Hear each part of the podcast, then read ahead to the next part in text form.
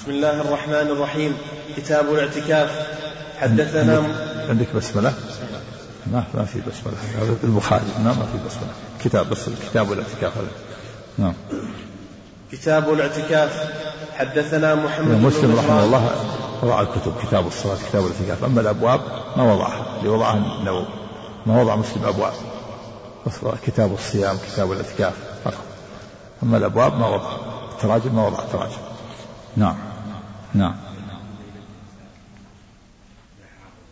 كل هذا ما- في دليل ما في دليل يدل على هذا نعم. ما أذكر شيء في هذا ما أذكر دليل واضح في هذا نعم. إلا تطلع الأشعاع لها. كذلك فيها جاء في أخبار ضعيفة لا تنبح كلابها ولا تسري نجومها. نعم. نعم. حدثنا محمد بن مهران الرازي قال حدثنا حاتم بن إسماعيل عن موسى بن عقبة عن نافع عن ابن عمر رضي الله عنهما أن النبي صلى الله عليه وسلم كان يعتكف في العشر الأواخر من رمضان. نعم وفي هذا الحديث مشروعية الاعتكاف استحباب والاعتكاف هو في اللغة الح- الحبس والمكث واللزوم. وشرعا المكث في المسجد من شخص مخصوص بصفة مخصوصة. ويسمى الاعتكاف جوارا. وهو مستحب ويجوز للإنسان إذا اعتكف أن يخرج ولا يتمه لأنه مستحب إلا إذا كان نذر إذا نذر يجب عليه الوفاء بنذره الاعتكاف مشروع في جميع المساجد ليس خاصا بالمسجد الحرام كما جاء في بعض في حديث ضعيف أن الاعتكاف في المساجد الثلاثة المسجد الحرام ومسجد النبي ومسجد الأخرى ولهذا أبو البخاري قال باب الاعتكاف في المسجد الحرام وفي المساجد كلها لرد هذا الحديث الضعيف. وكذلك أيضا يجوز الاعتكاف في في رمضان وفي غيره لأن النبي صلى الله عليه وسلم اعتكف الأول من شوال في بعض السنوات. لما عدل عن الاعتكاف في العشر الأواخر لما ضربت نساءه الأخبير خاف عليهن من من الغيرة. واختلف العلماء هل يجب هل يشترط الصيام أو لا يشترط. والجمهور على أن يشترط الصيام. والقول الثاني لا يشترط الصيام وهو الصواب لأن عمر, عمر رضي الله عنه قال نذرت أن أعتكف ليلة المسجد الحرام. سأل النبي صلى الله عليه وسلم في الجاهلية فقال أوفوا بنذرك والليل ليس فيه صيام. نعم. وأقله اختلف العلماء في أقله فالجمهور على أن أقله يوم. يكون فيه صيام. والقول الثاني أنه ليس هناك حد لأقل. نعم. وحدثني أبو الطاهر قال أخبرنا ابن وهب قال أخبرني يونس يونس بن يزيد أن نافعا حدثه عن عبد الله بن عمر رضي الله عنهما أن رسول الله صلى الله عليه وسلم كان يعتكف العشر الأواخر من رمضان. قال نافع وقد أراني عبد الله رضي الله عنه المكان الذي كان يعتكف فيه رسول الله صلى الله عليه وسلم من المسجد. نعم. وحدثنا سهل بن عثمان قال حدثنا عقبة, عقبة بن السكوني عن عبيد الله بن عمر. عقبة بن خالد. نعم. ساقط عنه؟ الطبعة هذه في في أخطاء عندك وحدثنا سهل بن عثمان قال حدثنا عقبة بن خالد بن السكوني. الس- السكون وحدثنا سهل بن عثمان قال حدثنا عقبة بن خالد السكوني عن عبيد الله بن عمر عن عبد الرحمن بن القاسم عن أبيه عن عبد- عائشة رضي عبد- الله عنها. عبد الله. عن عبد الله عبد الله بن عمر. نعم. عن عبد الله بن عمر عن عبد الرحمن بن القاسم عن أبيه عن عائشة رضي الله عنها قالت كان رسول الله صلى الله عليه وسلم يعتكف العشر الأواخر من رمضان.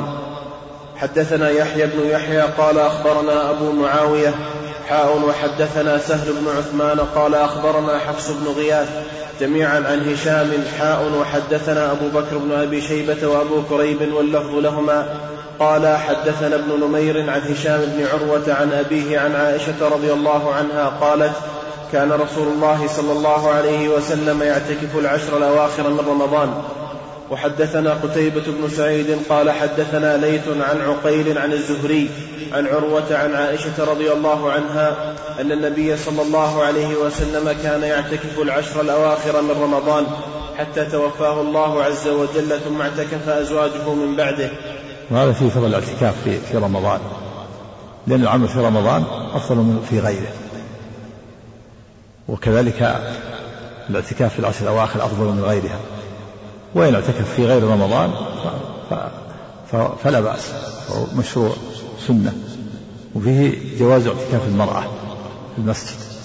مشروع اعتكاف المرأة في المسجد إذا أمنت من الفتنة بأن يكون حولها زوجها بعض أقاربها يكون لها خباء في المسجد أو غرفة. أما إذا خافت الفتنة فلا. ولا بد أن يكون المسجد تقام فيه الجماعة. اختلف العلماء هل يكون هل يشترط أن يكون المسجد جامع أو لا أو لا يشترط؟ قال بعض العلماء لا بد أن يكون جامع حتى لا يخرج إلى الجمعة. والصواب أنه يشترط في أن تصلى في الصلاة الخمس. ويخرج إلى الجمعة ثم يرجع ولا يضره. نعم.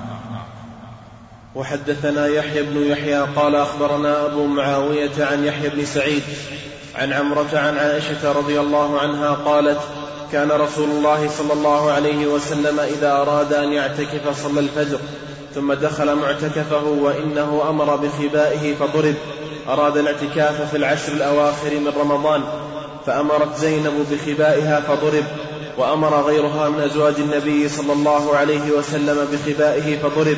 فلما صلى رسول الله صلى الله عليه وسلم الفجر نظر فإذا الأخبية فقال البر تردن. آه البر.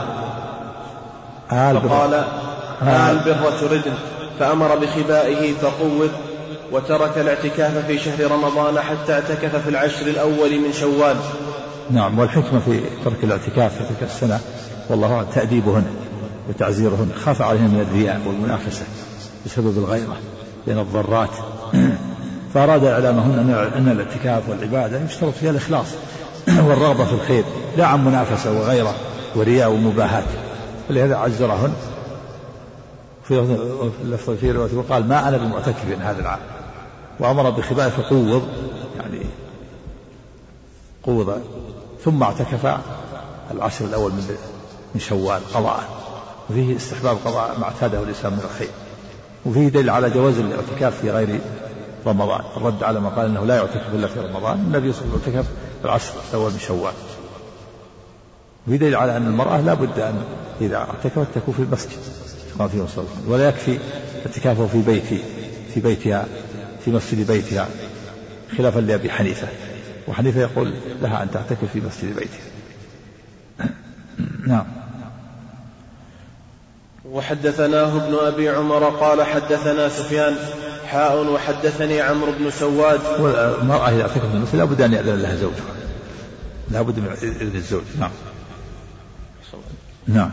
وحدثناه ابن أبي عمر قال حدثنا سفيان حاء وحدثني عمرو بن سواد قال أخبرنا ابن وهب قال أخبرنا عمرو بن الحارث حاء وحدثني محمد بن رافع قال حدثنا أبو أحمد قال حدثنا سفيان حاء وحدثني سلمة بن شبيب قال حدثنا أبو, أبو المغيرة قال حدثنا الأوزاعي حاء وحدثني زهير بن حرب قال حدثنا يعقوب بن إبراهيم بن سعد قال حدثنا أبي عن ابن إسحاق كل هؤلاء عن يحيى بن سعيد عن عمرة عن عائشة رضي الله عنها عن النبي صلى الله عليه وسلم بمعنى حديث أبي معاوية وفي حديث ابن عيينة وعمر, وعمر بن الحارث وابن إسحاق ذكر عائشة وحفصة وزينب رضي الله عنهن وأنهن ضربن الأخبية للاعتكاف. فقولوا آل بر تريدن اسم استفهام. تقدير آل بر تريدنا فسهلت الهمزة وصارت مدة. آل بر تريدن. يعني تريدن بهذا البر وأنتن تفعلن هذه المناسبة هذه المنافسة. كل واحد تضرب لها خيمة. ولهذا عزرهن عليه السلام وترك الاعتكاف تلك العام وفوض خيبة وقوضت خيامهن وانصرفنا إلى بيوتهن نعم. حدثنا إسحاق بن إبراهيم الحنظلي وابن أبي عمر يدل على الإنسان له أن يترك الاعتكاف إذا كان سنة مستحب يخرج منه لأنه ليس بواجب. نعم. إلا إذا نذره. نعم. حدثنا إسحاق بن إبراهيم الحنظلي وابن أبي عمر جميعا عن ابن عيينة قال إسحاق أخبرنا سفيان بن عيينة عن أبي يعفور عن مسلم بن صبيح عن مسروق عن عائشة رضي الله عنها قالت كان رسول الله صلى الله عليه وسلم إذا دخل العشر أحيا الليل وأيقظ أهله وجد, وجد وشد المئزر. وحدثنا قتيبة بن سعيد وأبو كامل الجحدري كلاهما عن عبد الواحد بن زياد قال قتيبة حدثنا عبد الواحد عن الحسن بن عبيد قال سمعت إبراهيم يقول سمعت الأسود بن يزيد يقول قالت عائشة رضي الله عنها كان رسول الله صلى الله عليه وسلم يجتهد في العشر الأواخر ما لا يجتهد ما لا يجتهد في غيره. وفي مشروعية الاجتهاد في العشر الأواخر من رمضان تخصيصها بمزيد من الاجتهاد اقتداء بالنبي صلى الله عليه وسلم وتحري ليلة القدر واغتناما للفضائل وأوقات الفضائل. فإن النبي صلى الله عليه وسلم كان يخص العشر الأواخر بمزيد من الاجتهاد منها أنه يحيي الليل بخلاف العشرين الأول فإنه يخلطها بنوم وصلاة فإذا دخل العصر أحيا الليل ومنها أنه يوقظ أهله ومنها فيوقظ أهله ومن, ومن يطيق الصلاة من صغير وكبير. ومنها أنها يجد يكثر من الاجتهاد. ومنها أنه يشد المئزر. وقيل معنى شد, شد المئزر يعني كناية عن اعتزال النساء. وقيل المراد كناية عن عن التشمير والاجتهاد في العمل. ينبغي أن تخصص العشر الأواخر بمزيد من الاجتهاد في العبادة اقتداء بالنبي صلى الله عليه وسلم واغتنام للفضل نعم.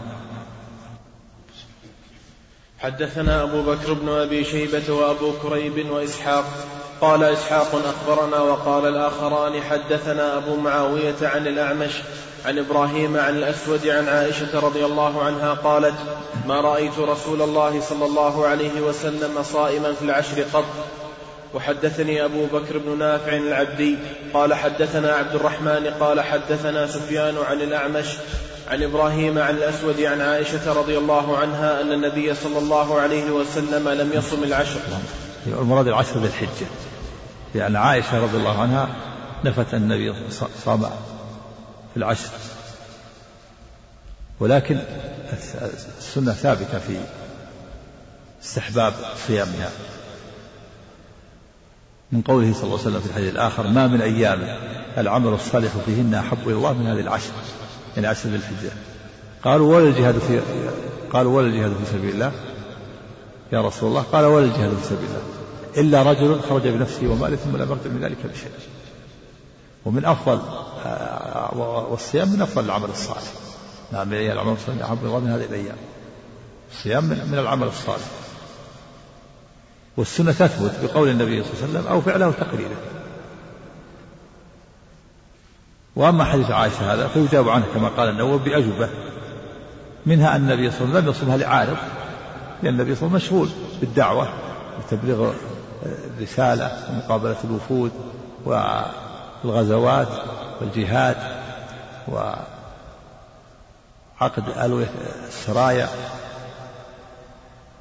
وقد يكون هذا هو الأفضل في حقه وقد حث الأمة أخبر عن فضلها بالقول والسنة تثبت بالقول وبالفعل وبالتقرير إذا وجد واحد منها كفى ثبوت السنة. أما كونه صلى الله عليه وسلم فقد يكون لعارض من العوارض انشغاله بأعمال أخرى. وهذا هو الأفضل في حقه. الجواب الثاني أنها أنه لم تره صائما وإن كان صائما في نفس الوقت في نفس الأمر. تكون ما رأته الثالث أنه ترك صيامها لئلا يشق على أمته. وقد كان صلى الله عليه وسلم يترك العمل خشية أن يشق على أمته. وأما حديث هنيدة الذي ذكر ذكره الشارح قال كان رسول الله صلى الله عليه وسلم يصوم تسعة ذي الحجة ويوم عاشوراء هذا ضعيف عند أهل العلم. ضعيف لكن السنة كما سبق ثابتة في فضل العشر. وأما حديث عائشة فهي أخبرت عن نفسها أنها ما رأت يصومها ولا يلزم من ذلك. قد يكون صامها وهي ما رأت أو يأتيها في بعض الأحيان ولا قد قد تمر تسع ليال تسعة الحجة عنده تسع نسوة عليه السلام ولا يمر عليها إلا مرورا ولا, ولا تعلم أنه صار. قد يكون يومها في في أول الأيام أو في آخرها وقد يكون لعارف وقد يكون ترك آه، أيضا قصدا لئلا يشق على أمته. فلازم من ذلك كون كونه لازم من خبر عائشة من الإمام بن أنه لا يسحب صومها. وفهمها مستحب. نعم. كتاب الحج. وفق الله جميعا رزق الله جميعا من الفضل